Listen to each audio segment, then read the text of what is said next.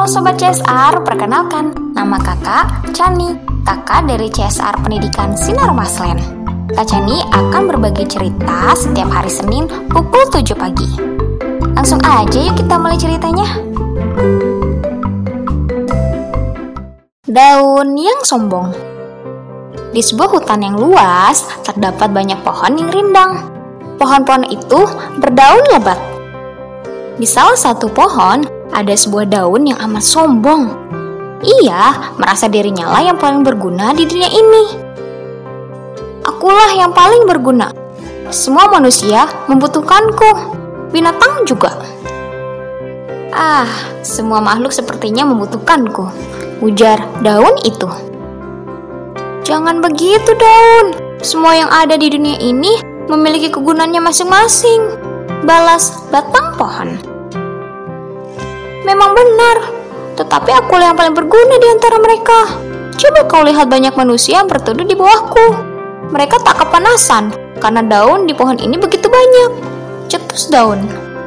Sama halnya dengan para binatang, mereka sering kali berlindung di bawahku dari terik matahari. Tak hanya itu, manusia dan binatang juga sering memetikku sebagai obat atau makanan mereka. Lanjut daun. Batang pohon dan akar yang mendengar perkataan daun menghela napas. Tak seharusnya daun seperti itu. Ia tak boleh sombong, meskipun memang benar banyak yang membutuhkannya. Kamu memang berguna daun, tetapi tanpaku kau tak akan mungkin hidup. Jadi tentulah aku yang paling berguna. Seru salah satu suara. Siapa yang berkata ini? Tanya daun. Aku adalah akar. Tanpaku, kau takkan bisa hidup. Akarlah yang mengalirkan air nutrisi ke dalam dirimu.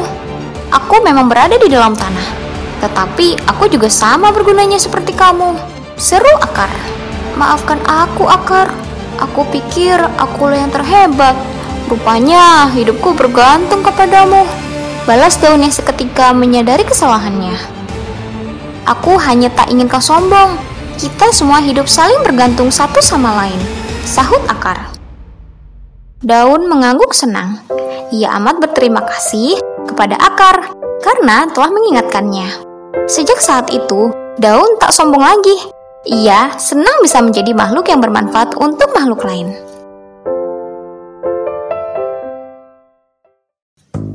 Nah, anak-anak, dari cerita Chani yang sudah tadi kalian dengarkan, apa aja sih kira-kira yang sudah kalian dapatkan?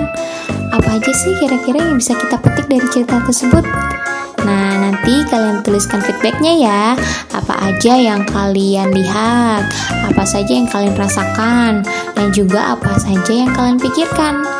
Nah, nanti sudah selesai, kalian bisa mengirimkannya ke guru masing-masing ya. Oke, Kak Chani tunggu dan selamat mendengarkan. See you.